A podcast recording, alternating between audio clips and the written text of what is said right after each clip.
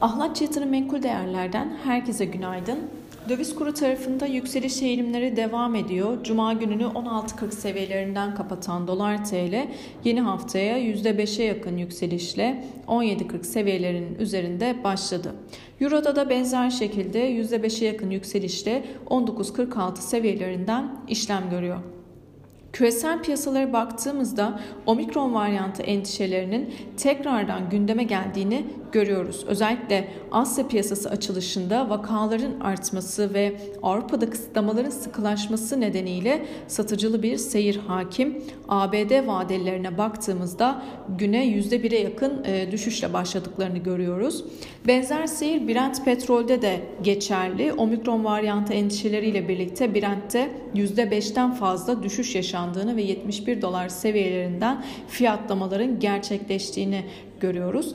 Borsa İstanbul tarafına baktığımızda cuma günü öğleden sonra gelen sert satışlarla endeks %8,52 düşüşle kapattı. Özellikle vadeli işlemler ile spot piyasa arasında oluşan anomali sert hareketlerin ana unsuru oldu.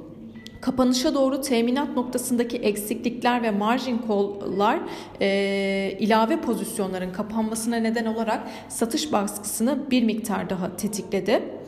Cumhurbaşkanı e, Erdoğan e, öncülüğünde bugün yine kabine toplantısı gerçekleştirilecek. Toplantıda özellikle ekonomideki son durum masaya yatırılacak. Borsa İstanbul tarafında tarafına tekrardan dönecek olursak e, yaşanan dalgalanmaların önlenmesi için BIST 50'de açığa satışa yukarı adım kuralı uygulanacak.